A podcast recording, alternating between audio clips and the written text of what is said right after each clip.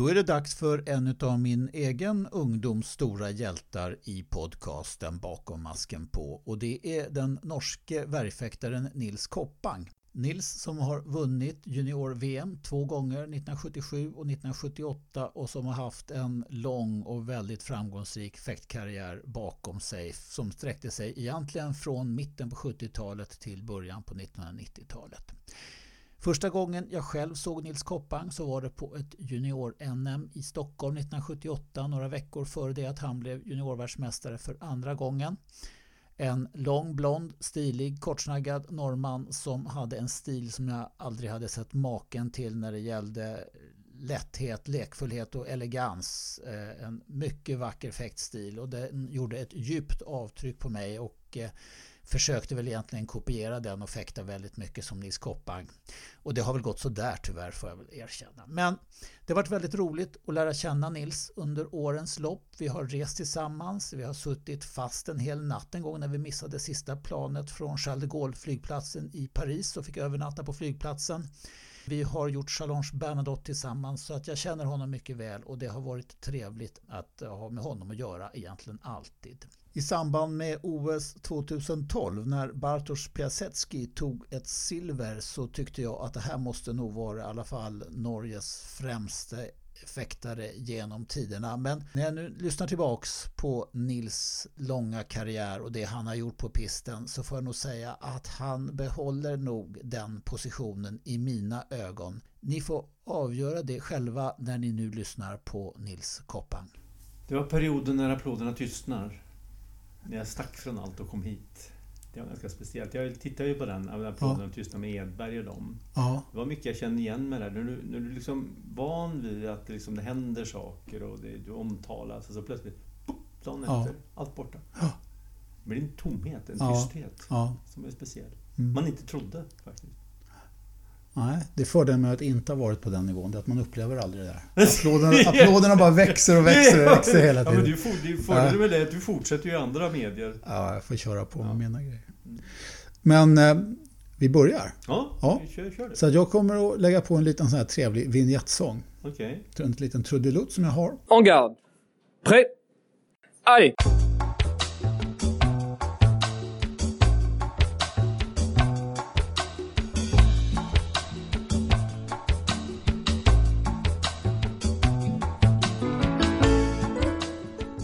Och så säger jag välkommen till Bakom masken på Nils Koppang. Tack så mycket. Roligt och trevligt att få komma hit till Medhamra och få sitta ner och prata fäktning med dig en stund. Jag tror att det är många som lyssnar på den här podcasten som kommer att tycka att det är väldigt intressant. Får väl inte göra dem besvikna får jag hoppas. Nej, nu får du hotta upp det lite grann så att vi får liksom kommer igång här.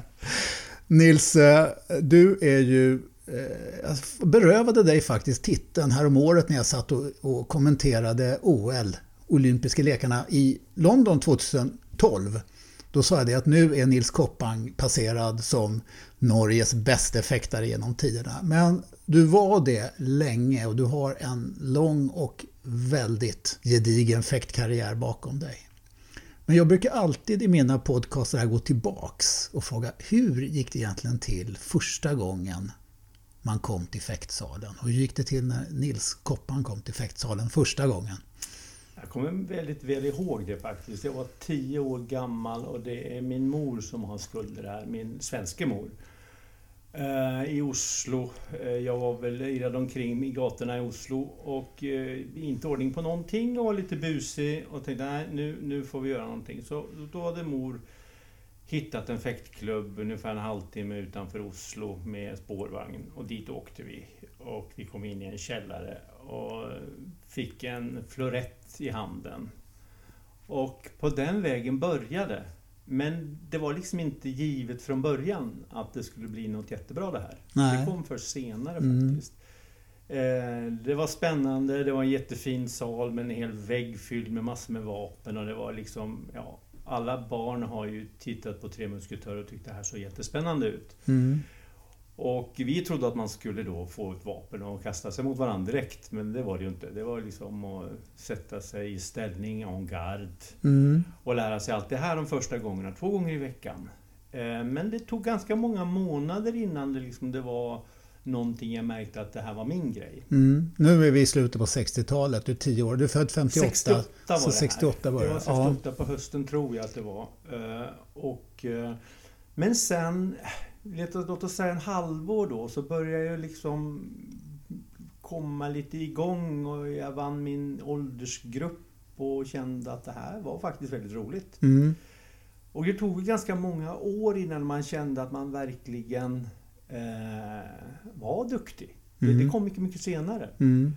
Eh, mitt allra första liksom eh, fantastiska minne det är min sju år äldre eh, sedermera eh, lagkamrat i landslaget. Det var Jeppe Norman. Ja, Han kom tvåa i JVM ja okej. och han hade jag fäktat mot. Mm. Och det var jättestort. Mm. Så man kan säga att nästan att resan börjar därifrån. Ja. Att kunde han så kanske en annan också Ja. skulle kunna. Det, det var liksom där det började tror jag. Mm. Sen finns det ju väldigt många aspekter på det här, hur man når framåt. Mm. Det är jag kanske inte Men Jeppe Norman, han var också från Oslo Fäktklubb. Nej, han var från rivalklubben Bygdö som låg på andra sidan stan. Mm. Eh, Oslo är ju den, anrika norska fäktklubben från 1906 och, och Bygdö knoppades av på 50-60-talet. Mm. till och med senare kanske. Och här hade vi en supertalang, Jeppe Norman, som blev tvåa i JVM eh, 73, om inte jag Mm, minns. okej. 72 eller 73. Och då var jag 14-15 och Mm. då har jag börjat visa framfötterna lite grann. Mm. Så, Fäktade du florett länge då eller gick du över till värja ganska ja, snabbt? det var den gamla skolan. För att Ja. lära sig fäktning, alla parader, allt klassiskt, så hade man i Norge en skola. Man började florett några år, när man var Mm. i den åldern. 10, 11, 12, 13. Så jag tror inte jag började med värja förrän jag var 14. Nej, okej. 14, 15 kanske till och med. Nästan då nästan i samband med att Jeppe hade sin... Precis, precis. Framgång. Och han var också jätteduktig florettfäktare. Han har följt samma skola som eh, vi andra gjorde också. Mm. Så det var en spännande period. Du, eh, Egil Knutsen. Ja. Egil Knutsen, han, han eh, förtjänar mycket, mycket mer beröm än vad han har fått. En eh, kontroversiell tränare, men som jag kan påstå i, i efterhand, jag har haft många tränare genom min karriär, men han kan jag påstå jag var en av världens absolut bästa fäkttränare. Ja, vad hade han för bakgrund själv? Han var född... Han var född 1914, gick på skola, var en busunge fruktansvärt. Han blev skickad till Corneille i Rouen och gick till gymnasium där. Ja. Där kom han i kontakt med fäktning och då Ja. är man ju 16-17 år. Mm. Och hans bästa meriter var i OS London 48 kom han till kvartsfinal. Okej. Om inte det var semifinal. Mm, Men det var hans... Eh, jag kanske var hans förlängda karriär, Mm. kan man nästan säga. Mm. Men Egil var en av de faktorerna att jag nådde fram. Han hade en förståelse för det här, det här spelet. Som var, som ju, alla tränare jag har haft, det har varit väldigt mycket, jag vet inte om alla förstår det, man, man pratar an första och andra intention Mm. i, i vad man gör. Men det här är ju en podcast för fäktare. Vi får hoppas att de förstår vad vi snackar om. Ja, jag hoppas Ja. det. det är liksom, eh, jag har haft tränare i Frankrike, i Sverige och lite överallt. Och det är liksom sikta rakt fram, gör utfall var väldigt många bas. Eh, Ja. Men han var alltid, vi konstruerade upp utifrån vad som hände och jag visste aldrig vad han skulle göra i Nej. en lektion. Nej. Och det, det tror jag jag eh, blev väldigt mycket och förståelsen för framförallt. Ja. Blev mycket bättre av och förståelsen för det. Och han, eh, den pass, han passade mig. Vissa fäktare passade han inte Mm. så väldigt bra. Men förståelse för teknik, taktik och flyten i rörelserna och sånt där, det var, han var helt oslagbar. Mm. Eh, Eftersom jag haft andra tränare så tycker jag han var outstanding faktiskt. Men du säger att han har blivit missförstådd. Är det i Norge eller att han aldrig fick den här riktiga... Status? Jag vet, först... Ja, man kan ju... eh, Han blev aldrig den här stora norska ikonen som alla samlades kring eller? Som, Eh, som han, tränarmässigt. Man kan ju säga så här, han gjorde väl... Han konstruerade upp, eller gjorde i alla fall en fyra, fem lands, landslag Mm. i sin Mm. karriär. Mm. Det säger väl sitt och sen kan man väl säga att förbund och alla omkring inte... eh, Inte förstod hur stor han var egentligen. Nej. Jag tror jag var en av de få som förstod. Man hängde sig upp i andra små petitesser han hade. Han var svår på många sätt och temperament hade han. Men förståelsen för hur den här sporten skulle gå till och hur man skulle föra den här värjan eller vapnet mot sin motståndare i olika skeden. Det, det, eh, han var stor alltså. Ja. Absolut. Mm. När, när gick han bort? Han gick bort när jag bodde i Frankrike då i början på 80-talet. Ja, okej. Eh, och eh, han var Mr Fäkting. Han, allt var fäktning för Mm, honom. mm. Var han, var han så här äh, lätt att komma in på och väldigt så här öppen mot andra eller var han mera en... Ju mer, alltså, mindre, mer sluten person Alltså, än honom kan man väl leta länge efter. Jag kommer ihåg då jag vann JVM första gången jag ge honom en kram. Han var bara knuffade bort mig direkt. Här var det inga känslor inte. okej. Var, han, mil- var han militär i... Vad säger, Eh, så var han militär nej, han civilt höll jag på att säga. Han jobbade med, faktiskt med mattor. Jaha. Sålde mattor. Ja. Eh, och sen, det gjorde han, som han berättar lite roligt varje höst. Jag, jag lägger upp mina affärsresor i förhållande till kalender, fäktningskalendern. ja. Det var hans grej. Mm.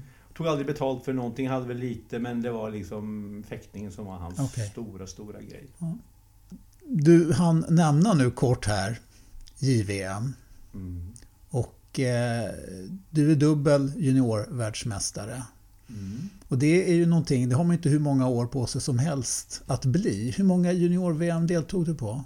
Tre stycken. Ja. Eh, Det var en 76 i Poznan i Polen, 77 i Wien i Österrike och den sista var 78 i Madrid. Ja. Så eh, nej, men eh, jag kommer ihåg min, min gode vän Johan Harmenberg. Vi tävlade ju väldigt mycket i Sverige, vi norrmän. Ja. Och det var en tid då Sverige var världstopp. Mm. Så jag kan säga att hela norska landslaget och mig själv har mycket glädje av den sve- svenska nivån på 70-talet. Mm. Men Johan och jag, vi fäktade ju florett och i- på i alla fall en tävling i Halmstad kommer jag ihåg. Man bytte från florett till värja, hoppade fram och tillbaka och Johan och jag blev sedermera goda vänner och jag tränade hos honom. Eh, senare i min karriär. Men jag kommer ihåg han sa någon gång vi fäktade mot varandra och jag var 16 och han var väl 18, 17, Mm. 18. Mm. Och sa Nils, du måste vara världens bästa 16-åring. Mm. Och det hade inte jag någon förmening om hur duktig jag var. Men han hade varit ute och tänkte, menar han det? Mm. Men då, då, då kanske, då kanske det kan bli något i, i något juniormästerskap framåt. Mm. Så där, där tror jag, när han sa det, så väcktes det något. Ett Mm. hopp om Mm. någonting. Jag har gjort en intervju med Johan i podcasten. Han berättade att han, att han ju eh, mer eller mindre gav upp sin florettkarriär. Han tyckte inte att han kunde mäta sig med de bästa så att han gav upp och satsade på studierna och åkte till USA. Och där började han liksom, påbörjade han något nytt. Han var som ett vitt blad. Var liksom helt och hållet mottaglig för nya idéer, nya sätt att, att träna och gick över till värja och utvecklade en ny teknik. Men var värj, övergången från florett till värja, var den på något vis komplicerad för dig? Eller var det bara att du bytte och sen var du värjfäktare? eh, jag vill hellre säga så att jag använde mig av floretten. Mm. i min teknik. Eh, Eftersom jag tror, jag har tänkt på det senare, att jag är relativt lång. Jag är relativt stark. Mm. Jag är relativt snabb. Mm. Så jag liksom har fördelen av alla de här komponenterna. Och Johan som var mindre än mig, floretten, alla parader, alla rörelsen kan bli en nackdel när man är en mindre fäktare. Mm. Jag kunde öka avståndet mer och kunde liksom använda min... Så jag, jag fick en, en, en lyckosam faktiskt övergång från... Eh, Var det- som min tränare Ja. hjälpte mig mycket med. Men var det självklart att du skulle gå över till värja? Ja, Mm. det fanns ju ingen... I, I Norden fanns det ju ingen riktig grobund eller vad heter det, kultur för florettfäktning eller sabelfäktning. Det dog ju ut mer eller mindre. Ja. Det var italienare och tyskar och, och fransmän som höll i det. Mm. Och öst, östblocken då. Ja. Så jag tror Norden gjorde rätt i att satsa på värja fullt ut. Vi hade inte de resurserna. Nej. Okej. Och det kan Johan också, det fanns inte den miljön. Det fanns en supervärjmiljö i, i Norden, speciellt Ja. Sverige. Mm. Men att gå florettvägen, det var väldigt få som gjorde Ja. bra resultat. Du, eh, 75 var du med på första junior-VMet. Eh, nej, 76. 76. Ja. Okej, 76, 77, 78. Hur gick det 76 då? Vad fick du för känsla då? Eh, jag skulle ju, jag hade ju tänkt att vinna 76. Mm. 17 år gammal. Jag kom till final, gick jättebra. Och sen var vi sexmannafinal och gick ut mot en, ja, jag vet inte om han var den sämsta i finalen, men en amerikanare i alla fall. Jag kommer ihåg namnet, Shedley hette han. Och förlorade den matchen. Mm. Och då kände jag att då var det kört. Då bestämde du dig för att det var kört? Ja, då, då, då tappade jag liksom... Mm. Han, han var den svagare i finalen. Ja. Och, och eh, då knöt det sig för mig och i erfarenheten mentalt och jag blev lite för... Ja, mm. jag blev lite sur helt enkelt. Och sen funkar inte det då. Sexmanna final, pool, femstötsmatcher, alla möter alla. Precis. Ja. Och, och, en förlust i en sån pool, det är ju ingenting egentligen. Egentligen inte. Nej. Egentligen Nej. inte. Eh, men det hade konsekvenser för de andra matcherna, så jag blev väl femma eller fyra. Någonting, mm, mm. Så dåligt var det egentligen inte. Nej, nej. Men, men så blev det. Och då var det den tidens store juniorstjärna Poffé som tog hem sitt andra han mästerskap. Sen var han borta. Eller? Var, var Nej, han hade året efter kvar. Det hade han kvar? Ja. Mm. 77 i Wien. Mm. Och vad hade du för känsla då, när du gick in i tävlingen? Eh, Kom var... du med samma ambition då eller självklarhet? Nej, det hade jag inte. För den här finalen, den var något av det värsta jag hade sett. Det ja. var eh, Flera i den här grupp, femmannagruppen, de blev ju seniorvärldsmästare och eh, landslagsfäktare på varsitt landslag. Det var, finalen hade du Poffé, Murchaev från, från Ryssland. Ja, lång vänsterhänt. från Frankrike. Ja, också lång vänsterhänt. Ja. Beckman, tysk, som också ja. kom till, eh, till landslaget mm. tyska. Mm. Och den sista som aldrig gjorde någonting, tror jag, det var eh, Soncini, eller Loncini, Soncini hette han. Mm. Som jag tror avslutade sin karriär där. Ja. Um, den, den finalen började däremot hur bra som helst. Ja. 5-0 mot ryssen i första matchen. Och där ser man hur viktigt eh, psykologi är. Mm. Eh, och sen, eh, sen vann jag väl tre matcher på raken där. Mm. Mot Ribot bland annat också, som var en av storfavoriterna i finalen. Okay. Och sen var det bara att ta Songini då, självklart. Han var den sämsta i gruppen. Ja. Och förlorade med 5-4, självklart. Mm. Mm. Precis som förra gången. Tänkte jag, nej. Eh, sen hade jag faktiskt fe i sista matchen. Mm. Och visste det att vinner jag den så måste tysken slå ryssen i sista matchen. Eh, så det var jämn match, jag var nervös som bara den. Jag ledde 4-3. Samma som Fe var året innan hade han förlorat fyra matcher så han var borta. Mm.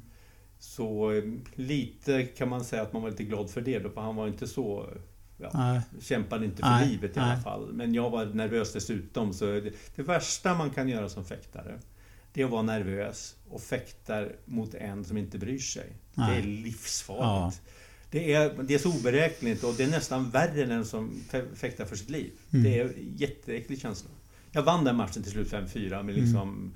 med, med hjärtat i halsen. Och sen var det en olidlig väntan i sista matchen. Tysken vinner han över ryssen så är det omfäktning. Ja. Man räknade ju inte stötar då på sist om segern. Nej. Andra placeringarna räknar man stötar, Precis. men just om segern så var det alltid en omfäktning. Ja. Och i praktiken kunde väl hela, alla sex hamna på samma antal segrar och vi fäktade omfäktning. Fyra, fyra har jag i alla fall varit med om ja. flera gånger att man fäktade om. I Hamburg 78. Ja, det är, det är en klassisk. Det är en klassiker. Ja.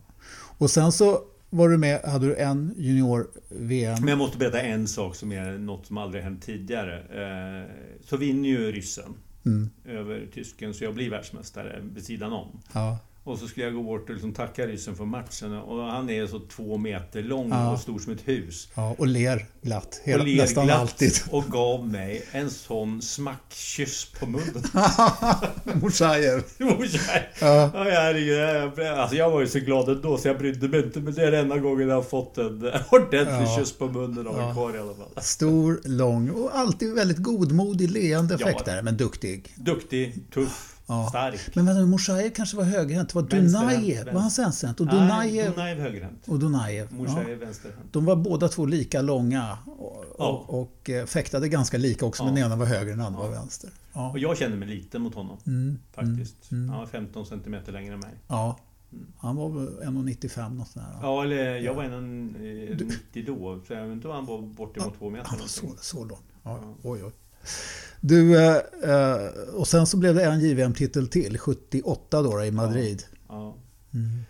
Eh, ja, nu blir det väldigt mycket prat om mig själv här. Ja, det handlar ju om dig här. Det handlar ju om mig nu, men jag kan säga att det är 78 och det är väl mm. antagligen mitt allra bästa fäktår i hela min karriär. Ja. Jag var 20 och var i den ena världscupfinalen efter Mm. den andra det året Mm. faktiskt. Ehm, och ledde faktiskt världscupen senior Ja. eh, mitt, i, mitt i, i året.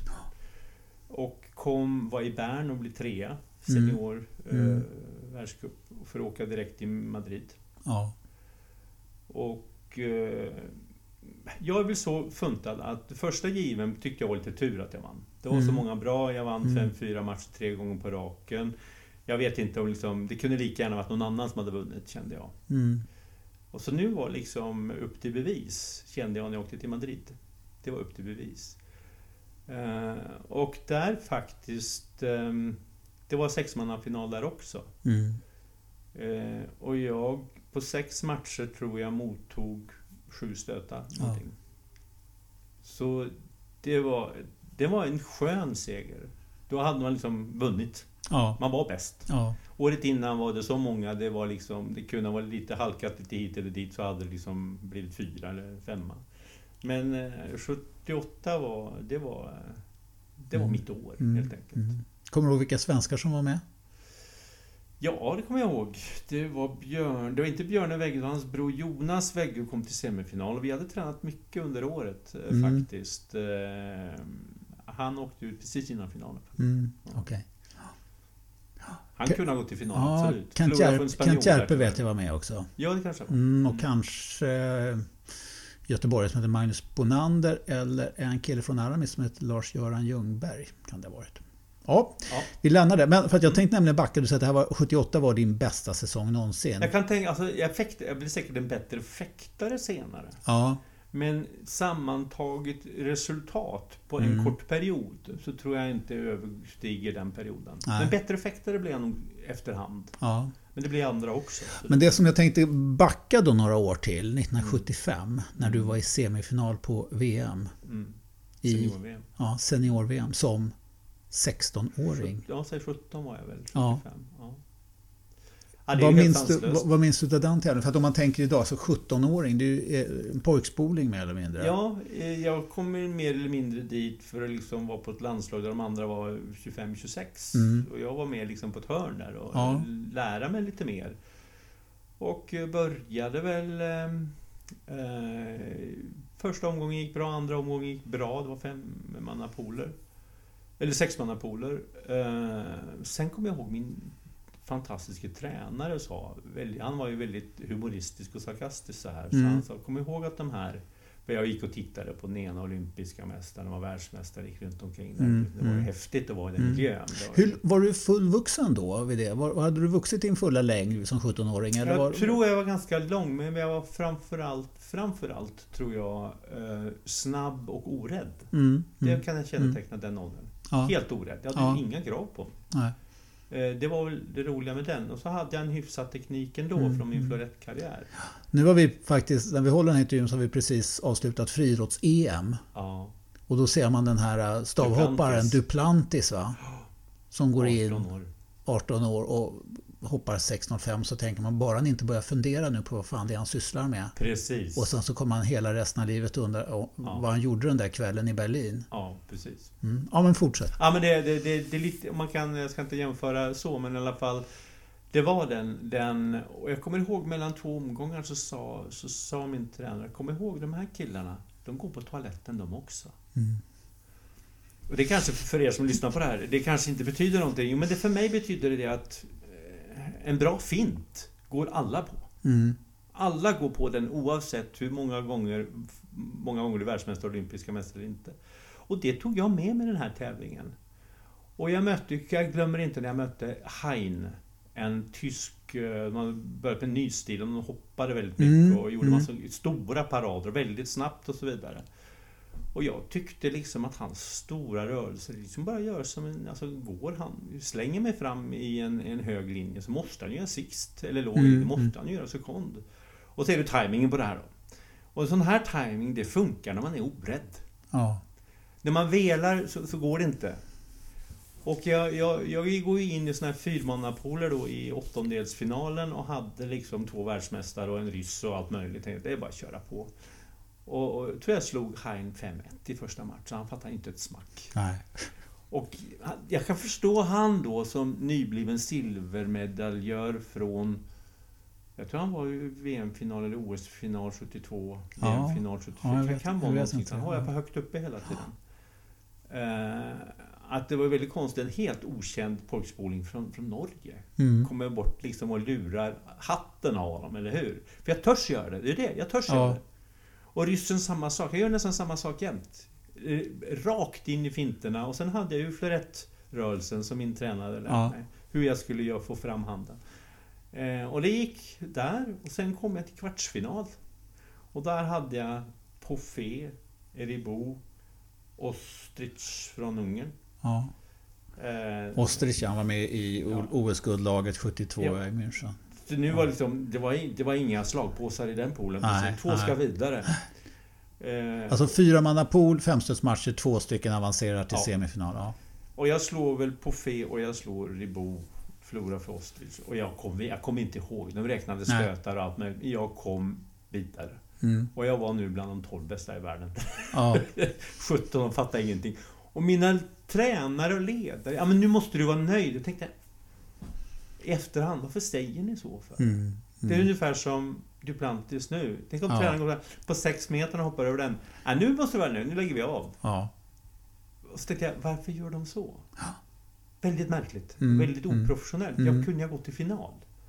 Eh, dels för att när vi gick in i semifinal hade jag Lukomski, Edling. Jag kommer ihåg allt det här som en nörd. Alltså. Ja. Lukomski, Edling, Kauter i semifinal. Jag går in i första mouten mot Lukomski som Lu- var juniorvärldsmästare. ja, det. allt möjligt. Jag går in och leder 4-1.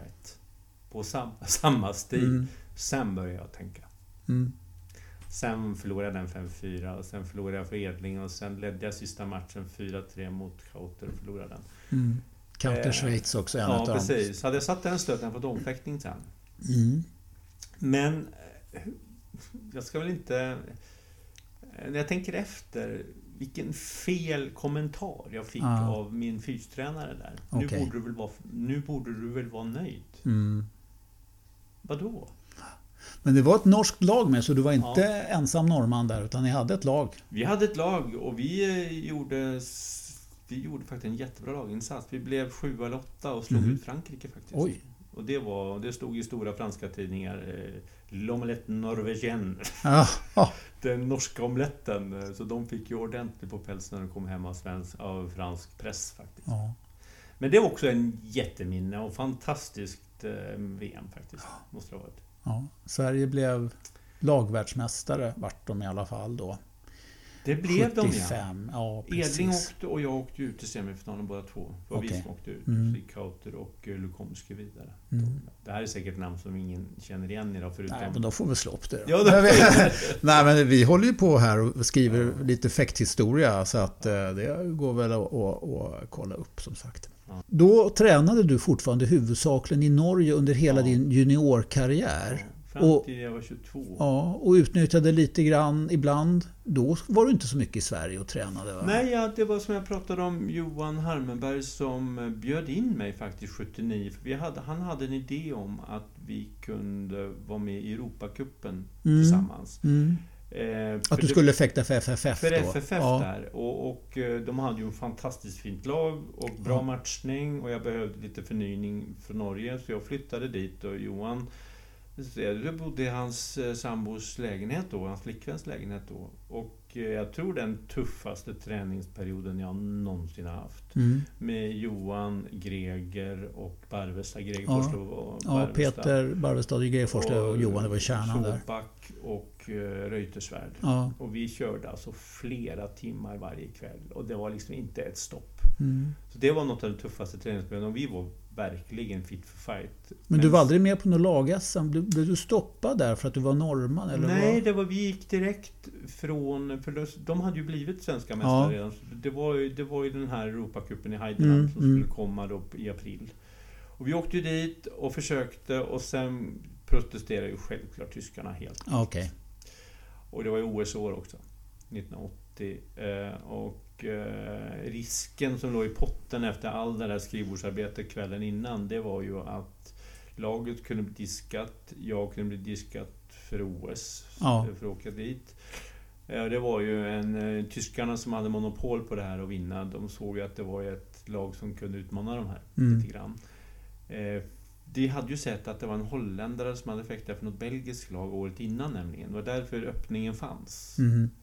Att man kunde få ha med en utlänning i sitt lag. Mm. Och sedermera blev det ju så. Till och Mm. med tyskarna hade ju en polack i sitt lag. Ja, Eh, nå- nå- något Ja, visst. efter. visst. Men vi tordes inte som liten nation göra det där, så vi skippade. Jag fäktar aldrig med dem i Heidenheim. Nej. Men jag tror de kom var semifinal ändå. Okej. Kom långt. Jag undrar hur det var om inte Djurgården hade med Jan Wennes tidigare, 73 eller något. Och de- Den där ska vi nog inte gå in på förresten. För att Jan Wennes var alltså en estnisk Ja. Eh, fäktare som vann Heidenheim och som hoppade av från Sovjetunionen. Och det var politiska faktiskt påtryckningar där. Jag tror kanske inte att Wennes... Jag tror inte han fäktade med i Djurgården. Nej. Jag, jag, för jag var ju och tittade på då 73 tror jag. Ja. Nej det var jag inte, det kan inte vara. Men, men jag tror, tror att det var svårt. Den där historien kräver en noggrannare analys om vad som verkligen hände innan, Ja. innan vi ger oss in på att analysera den. Den återkommer jag till i en Men annan jag podcast. tror också det att lilla Sverige och lilla Norge tordes inte tampas mot tyska fäktförbundet. Nej. Det var så mycket hot som var i potten där att eh, vi kunde... Ja, hade det inte varit ett OS-år till exempel så Nej. kanske man hade tordas göra det här. Du, var du med på OS 76 i Montreal? Ja, det var jag. Mm. Och det var ju mest för att lära. Det var jag var 18. Mm. Eh, och det var ju mest för att lära. Jag hade faktiskt till och med gått till en världscupsfinal det året som 16-åring i London. Mm. Så eh, det var ju också en stor... Det var ju nog det första, största ögonblicket kan man säga. Mm. Eh, internationellt. Ja. Och det blev en bra andra omgång och mycket att lära och se och så vidare. Det, Mm. var, det var mer för att lära. Jag hade inga ambitioner där. Nej. Åka till OS 18 år. Det, det, men ändå, jag gjorde ju mitt bästa. Absolut. Mm, mm. absolut. Och hur var det i Moskva då? Var du med i Moskva? Nej, då var det ju så att eh, vi hade ju ett visst land som heter Ryssland som gick in i ett visst land som heter Afghanistan. Mm. Och så hade du en viss allians eh, på väst, i västvärlden som hette NATO och så hade vi en som hette Carter som skulle göra politiska poäng av det här. Mm. Jag har faktiskt åsikter om det här faktiskt, men jag inte borde ha det. Men eh, då han sa nu bojkottar västvärlden OS i Moskva. Mm. Och Norge som stort NATO-land, stort, alltså säkert NATO-land, eh, anslöt sig till det här. Mm. Och det fick vi veta två månader innan. Ja. Det är ganska bittert. Mm. Man hade tränat i tre år och liksom åtta månader för det här. Sen får man besked om att nej, det här... Nej. Och det var många politiska åsikter då i Norge. och så må- Många diskussioner fram och tillbaka. Och eh, jag hävdar att de här bojkotterna leder ju aldrig nå- till någonting förutom ett moraliskt stöd. Mm. Men ryssarna blev ju kvar länge i Afghanistan. Ja. De ljög ju för sin publik, publik och sa att liksom, västvärlden troligtvis inte komma till vårt OS. Så Nej. det hade ingen effekt. Nej. Det hade bara, man offrade ett visst antal idrottare som jag ganska har synpunkter på. Ja, det var ju inga amerikaner med överhuvudtaget. Västtyskland dåvarande bojkottade också helt och hållet Ja. alla grenar. Och Precis. Norge och möjligtvis några länder till. Ja, England var ju med. Storbritannien var ju med. det var de. Mm. Mm. Och, eh, och Frankrike var ju med. Mm. Frankrike var med och de hade väl lite så att de... Det var ju vissa länder hade ju att enskilda förbund fick bestämma. Ja. faktiskt. Och i vårt förbund så bestämde ju vår förbund för, ordförande inte skulle följa med. Tyckte jag var lite osolidariskt. Kunde ju frågat oss först, vi som hade kollat in. Så jag var lite sur på Så var- Norska var- fäktförbundet. Okej, men var det vissa andra norska idrottare som deltog alltså? Det tror jag inte. Jag är Nej, inte säker. nej. Jag tror inte det. Nej. Eh, Men hur som helst så var ju det... Ja, jag, jag blev lite arg på att man offrar idrottarna. Allt annat eh, Mm. var business as usual. Mm. Man hade kulturella förbindelser, man hade eh, alla affärsförbindelser fortfarande kvar. Mm. Men det var billigt att offra ett gäng idrottare. Ja, Ja, precis. det, det har jag synpunkter på fortfarande idag. 84 då? Då var du med? Då var jag med Los Angeles, det var Mm. jättebra. Då bodde jag i Frankrike, jag hade flyttat dit. Mm. Och... Eh, Alltså vi kan ju ta det. Du, Ja. du flyttade ner till Frankrike. Ja, men det var ju den här vevan. Eh, jag satt i Frankrike och såg Johan Harmenberg vinna eh, OS individuellt. Mm. eh, i tidningarna och det var, gladde mig jättemycket och förtjänade väl det. Jag tänkte nu, nu har Norge liksom svikit mig, nu sticker jag. och jag hade väl lite på, jag hade lust att utbilda mig, Mm. lära mig språk, Mm. fortsätta med fäktning. Och då blev det ju väldigt enkelt att välja Frankrike egentligen. Mm. Trevlig, Paris blev det, trevlig stad, alla utbildningar som finns, bra fäktning. Så det blev så. Mm.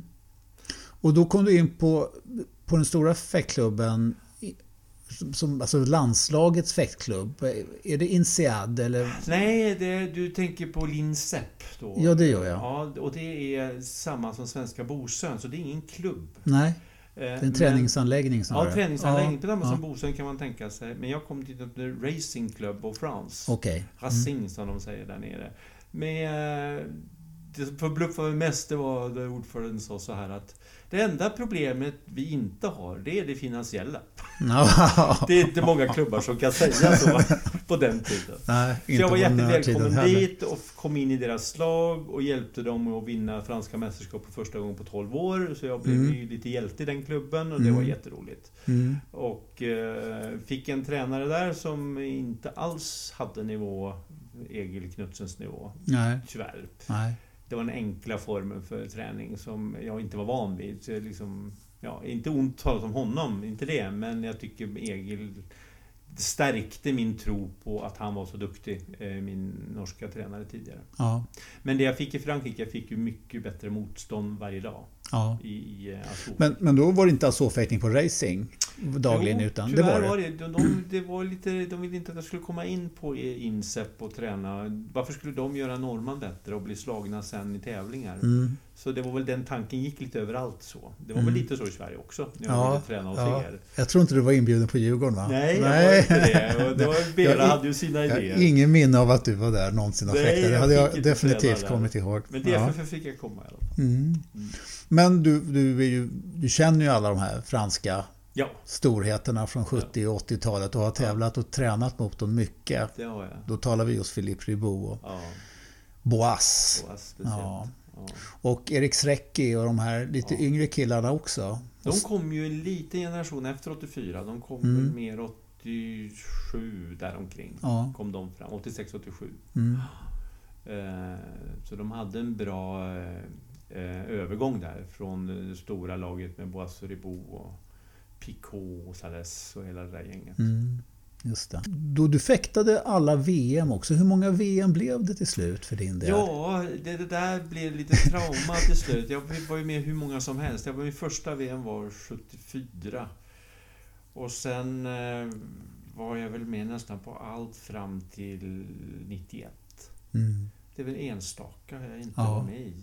Som låg för långt bort eller något där. Ja. Eh, Men det bästa VMet var ju när jag, mitt andra VM 75. Där jag Ja. blev eh, sjua i princip. Det var sexmannafinal och sen delade vi alla placeringarna efter där serien Ja. som inte kom till final då. Mellan 7 och 12. Så jag kan väl stolt säga att jag blev sjua då. Mm. Eh, Men sen, eh, det knöt sig i de flesta VM för mig. Och nu har vi sett att man kommer ifrån en nation där mellan, vad kan jag säga, sista på säsongen, sista världscupsfinalen, eh, tävlingen menar jag, och till VM så var det ett gap på en månad nästan. Mm. Och eh, det blev ett ingenmansland för mig där. När jag kom till VM så hade jag massor förhoppningar och kände mig liksom, inte ringrostig men alla idrottare vet att man måste vara uppdaterad hela tiden. Man måste vara på Mm, tårna. ja, ja. Man och den här månaden där, jag, eh, Sverige kunde jag inte komma till, Frankrike fick jag inte komma till och träna med de bästa. De Mm. ville heller inte det. Och de, de, jag förstår. Det är liksom, varför ska man träna upp en som kan slå en, helt Mm. enkelt. Så VM därefter, de blev lite det där tredje omgången, mycket sånt. Eh, Ja. Långt under den nivån jag hade faktiskt. Och, och ju, mer, ju fler sådana resultat, ju mer knöt det sig ju. Mm. Förutom om man tänker på så möjligheten att vara ensam Mm. som du var och Mm. också känd som en hedersman Ja. i de här kretsarna.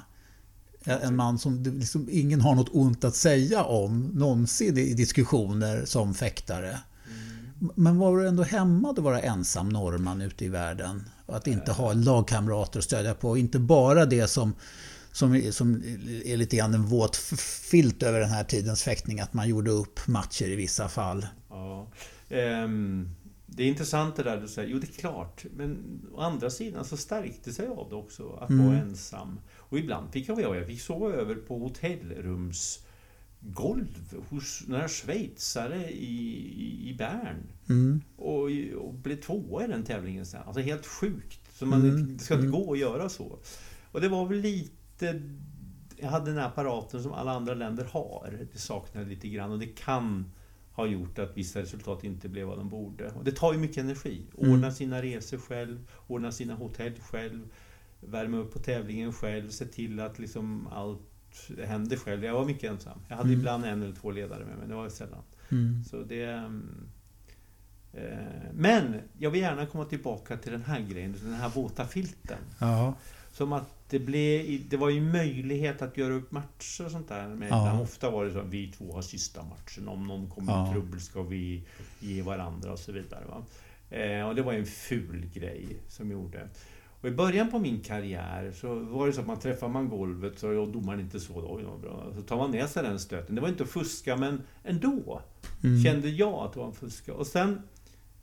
Eh, jag gjorde väl så någon gång tidigt i min karriär och sen kände jag ett obehag. Jag kommer ihåg det. Jag kände obehag i matchen. Mm. Och förlorade matchen. Och efter den gången så bestämde jag mig aldrig, oavsett om domaren ser det eller inte ser det, då ska jag vara ärlig på alla, alla, allt som finns i matchen. Och det var liksom inte för att jag skulle vara någon hedersman egentligen. Nej. För jag kände att det sväckade min egen moral. Mm. Och är det någonting man behöver i fäktning så är det moral och full, sina fulla sinnen. Mm. Inte gå omkring där och lulla lite med dåligt samvete för att man har gjort något liksom inte borde göra. Så jag, och jag vet att jag har vunnit på det. Ja. Man sammanfattningsvis alla matcher där hamnat sådana här tävlingar jag kunde... För det som hände egentligen. När, när någon... Eh, när jag råkade träffa golvet på fyra lika till exempel, eller på tre lika. Eh, så sa jag, sorry, det var golvet. Även om domaren gav ut stöten. Och det gjorde ju det att min motståndare blev ju så tacksam att han tappade ju udden av sitt jävelskap. Och det gav en fördel till mig. Så egentligen var det bara en kylig kalkyl. Behåll din, eh, din, din, dina fulla känslor till det du ska göra. Inte fickla med och små Nej. smussla. Det är bara sväcka. Det kan jag som, om någon fäktare idag lyssnar på det här. Gör det här. Fuska Jag hoppas aldrig. att någon lyssnar. Ja, jag hoppas det. För fuska aldrig, det sväckar din moral. Och det Ja. kommer till att gå ut över dina resultat. Ja. Det är budskapet vi jag ger. Jag ska försöka ta till mig det. du, eh, eh, men du, du har ju haft jättefina framgångar efter 75 också om man Ja. säger så.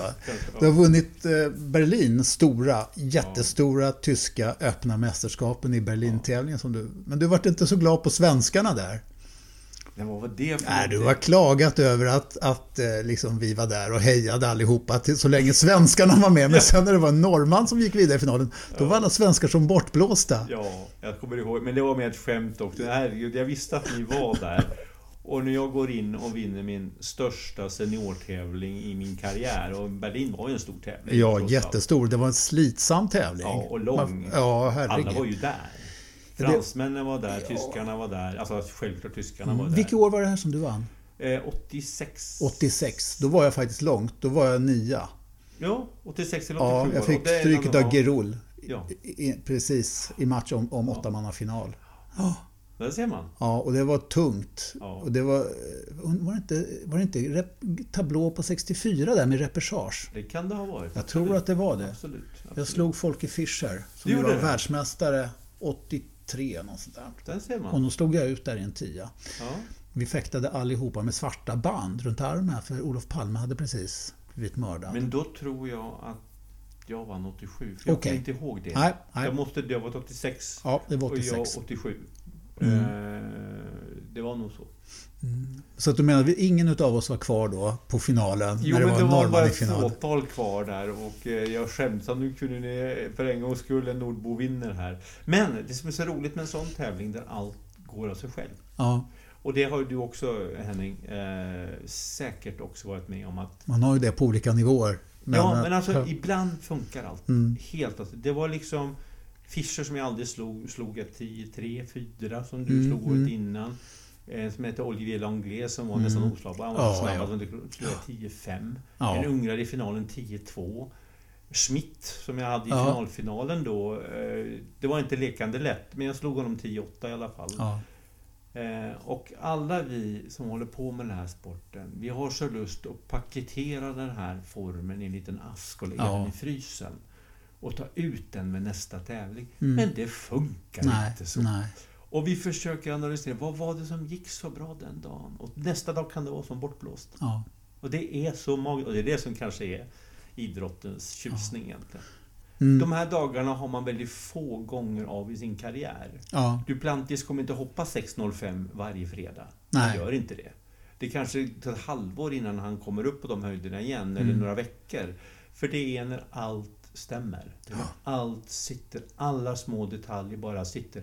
Och man tänker som minst. Mm. Det, det är en bra faktor. Så det att tänka för mycket eh, hämmar. Man vet ju det att hjärnans tänkande del är ju långsammare än ja. än det som är inlärt. Mm, precis. Eh, intressant. Mm. I alla fall, Berlin, en, en stor seger. Men, och sen så la du av, säger du, 80... Eh, nej, 90, 92. 91, 92. Var 90, du med i Barcelona på nej, OS? Nej, jag var inte med i Barcelona. Det började bli lite på slutet av min karriär. Jag var 34, mm. 92 och kände att de jag hade lärt upp på klubben i Frankrike började ha svårt för nu. Och då kände jag väl att det kanske min tid är förbi nu. Eh, inte så mycket skador, eh, men svårare att komma långt i tävlingar. Mm. Och jag mm. ville ju till OS 88, det var precis, jag fick en skada. Eh, kom inte med. Um, och sen tränade jag, jag var i Frankrike fortfarande hade ju inte så väldigt bra uh, tränare där. Um, allt har ju sitt slut någonstans. Ja, ja. Uh, och um, jag kämpade på de här fyra åren och var i världscupsfinaler ändå. Mm. och var långt upp i VM i 91 tror jag, i, om det var i Lyon. 90 mm. eller 91. Mm. var jag uppe bland de 16. så nära ändå, ja. tycker jag. Och hoppet är det sista som, mm. som lämnar den, säger man ju. Men innerst inne så märkte jag att det här börjar... Eh, nu måste jag börja tänka på annat. Mm. Eh, och, du var färdigutbildad då också? Ja, jag var färdigutbildad sedan flera år. Jag, jag, jag åkte till Frankrike eller, 80. Ja. Och hade tänkt åka tillbaka 83, 84, färdig med min utbildning. Men jag blev där i 12 år. Ja. Ja, det är intressant att se tillbaka på en eh, karriär så i alla fall. Ja. Sen, men du, som sagt, bodde du kvar i Frankrike då efter fäktkarriären? Eller flyttade du hem till Norge, ja, det Sverige? Blev när fäktkarriären tog slut. Sen mm. hade jag väl aldrig tänkt att bo kvar där. Nej. Den tanken fanns aldrig. Jag bodde ju lite i en resväska hela tiden. Ja. Det var liksom aldrig att jag etablerade i någon lägenhet med köpta möbler och sånt. Det blev ja. lite på det viset. Så det har jag alltid tänkt att komma tillbaka.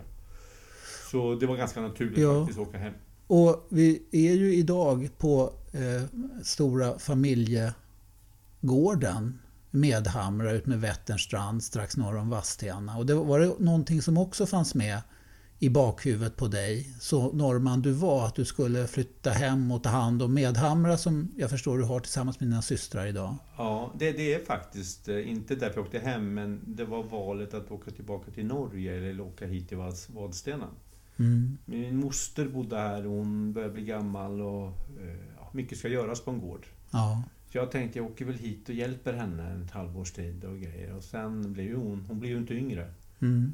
Och sen ehm, de som har varit i närheten av en gård vet att det är fruktansvärt mycket saker som mm. ska göras. Mm. Så jag blev fast här. Ja. Och det är en stor gård med jordbruk som ni arrenderar ut. Ja. Ja, och, det, det, och hus, flera hus. Det är ett 20-tal hus. Ja. Det är eh, skog, jord. Det är, vi har ju skaffat vindkraft eh, Ja, för stora vindsnurror som står här. Ja. ja och vi har satsat lite. Ja, ja. Men det, det är en, en gård som kommer från din mammas sida? Ja, det är lite intressant det där. Det är, om jag kan, man tar lite aspekter på varför man gör det man gör. Jag har ju lite synpunkter på. Det, min morfars far köpte det här stället. Han mm. var väldigt förmögen, väldigt framgångsrik person och hade den här gården som en av sina gårdar. Mm. Och eh, min morfar och min mor eh, vårdade det här och sen nu sitter vi med det, min, Mm. jag och mina syskon. Mm. En fantastisk eh, egendom. Mm. Eh, och sen på min fars sida. Eh, min farfar var en fantastiskt framgångsrik läkare. Mm. Var kungens eh, liv medicus. Tog in, eh, tog in EKG till Norge. Okej. Han fick en son, min far, Mm. som också blev läkare. Var med i andra världskriget och blev hjälte där. Fick massor med medaljer. Mm. Och ofta i en karriär så letar man efter varför vill man nå så långt? Varför lägger man det där extra kolet in? Mm. Jag kan inte säga att jag kommer från en fattig eh, förort i Nej. Stockholm, Göteborg eller Malmö. nej. Jag gör ju inte det. Så jag har inte den storyn att berätta. Men från jag var liten så har man ju sett de här framgångsrika släktingarna på alla sina sidor. Mm. Och det var musiker, kompositörer och allt möjligt. Eh, och då kände man faktiskt tryck. Mm. Att det måste ju bli någonting av mig också. Mm. Så jag tror att för vissa, eh, det är ju inte så charmig story som de som kommer från eh, kanske invandrare, fattiga Nej. och allt möjligt och slår sig för upp och blir bra idrottare eller vad man blir. Eh, Men jag kände väl ganska mycket i åldern 14, 15, 16 att jag, jag bråste ju på något. Jag måste ju också visa att jag kan Mm. något. Det kan vara en liten Ja. en del av en drivkraft som gör att man, man kan inte bara sitta här och suga i sig vad alla andra har gjort åt nej. Man måste ju skapa någonting själv. Det kan Eller, vara en liten faktor. ja. Eller så kommer gnistan inifrån någonstans. Och det spelar ingen roll om man är född med silversked i munnen eller under fattiga förhållanden och måste slå sig upp för att komma dit. Utan gnistan finns där och den finns eller inte finns. Jag vet inte. Jo, nej, men jag håller med dig. Och jag Jag tänker att- om man nu tänker på de här stora eh, killarna. Återigen friidrotts-EM. Vi har sett bröderna Ingebrigtsen och vi har sett Fantastiskt. de här eh, Ja. norska 400 meter häcklöparen. Ja. De killarna är ju inte födda under dåliga förhållanden. De måste slå sig upp. Va? Ja. Det- Grejen är, tror jag, som, som jag tror vi är väldigt överens om Henning. Den stora, allra största, eh, tror jag, kärleken till idrotten. Mm. Ja, ja, man hittar sin idrott. Ja, men, ja, precis. Till sin idrott. Har Mm. du inte den kommer du aldrig iväg. Du måste älska det du håller på med.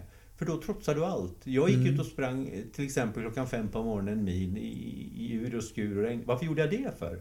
Mm. Jo, för jag älskade min idrott. Inte, jag älskade inte att springa, det var värsta jag visste. Men jag gjorde det för det skulle krävas att jag skulle bli bättre i det jag tyckte så mycket om. Mm. Men du, du flyttade som sagt hem till Sverige och sen så har vi sett, du har varit konferencier på Challenge Bernadotte i Stockholm. På finalen där, världscuptävlingen som vi fick, där var du med. Du har varit kommentator på Eurosport i många år, kommenterat. Så att du har ju hållit eh, kontakten med, med fäktingen i alla fall lite grann på armlängds avstånd. Nu reser du väl inte in till Linköping och fäktar längre, eller? Ja, det är några år sedan nu, men det är ju jätteskojigt att göra det. Jag har gjort för några år sedan och, och det kommer nog att komma någon gång med att jag gör det. Mm. Det är trots allt eh, nio mil fram och tillbaka hem, så det är liksom... Jag kan inte göra det varje kväll. Nej. Men eh, ändå, det, det är kul. Men det som är lite besvikelsen är att kroppen rör sig inte efter Nej. det man vill göra, tyvärr. Nej. Men det är trots allt en trevlig form, även om man har lagt allt bakom sig. Eh, Men det tog lång tid innan jag Ja. avslutade min karriär tills jag tog upp en värja igen. Ja, okej. Eh, Det var tvungen att få en distans till det. Ja. Men det saknas inte precis idrott i familjen här. Nej, det, Du har en, en, en styvdotter som är fotbollsproffs. ja. Och ska spela landskamp nu snart mot eh, Ukraina, tror jag. Ukraina är det ja, Ja, i just det. VM-kvalet. Ja, som de måste slå för att behålla sitt fina läge i vägen. Precis. Vad heter hon? Stina Blackstenius, det är min sambos dotter. Ja, alright. Mm. Och hon är proffs i Montpellier. Precis. Ja, fantastiskt. Ja, det är jätte- Och sen har du då en gemensam dotter också som är på eh, hög nivå inom både handboll, hon är mycket yngre, men både inom handboll och fotboll. Ja, det, det är ju jätteroligt eh, och eh, hon blir säkert jättearg om jag skryter av henne, för det gillar hon inte alls. Men eh, hon har faktiskt varit på landslaget i både fotboll och handboll i år. Ja, Och flyttar nu till Göteborg för att gå riksgymnasiet i handboll där. ja. Och det ska bli jätteskojigt att följa henne. Och det, för mig känns det som, jag har en ny karriär. ja. och följa hennes karriär. Det ska bli jätteroligt. Och hon heter? Nina Koppa. Ja. Nils, eh, jag är jätteglad att jag fick komma hit. Och blev bjuden på lunch dessutom och har fått en god kopp kaffe och har vi haft ett mycket trevligt samtal så jag tycker att du ska ta upp till Stockholm och fäkta också på ja, Djurgården någon kväll. Jag får ordning på mina akilleshäl för som gick av Ja, den, den, får, den får lite tid på dig. Så, ja, så ska vi ta en match en gång. Ja, vi får göra det. Hjärtligt tack. Bara trevligt att ha det här.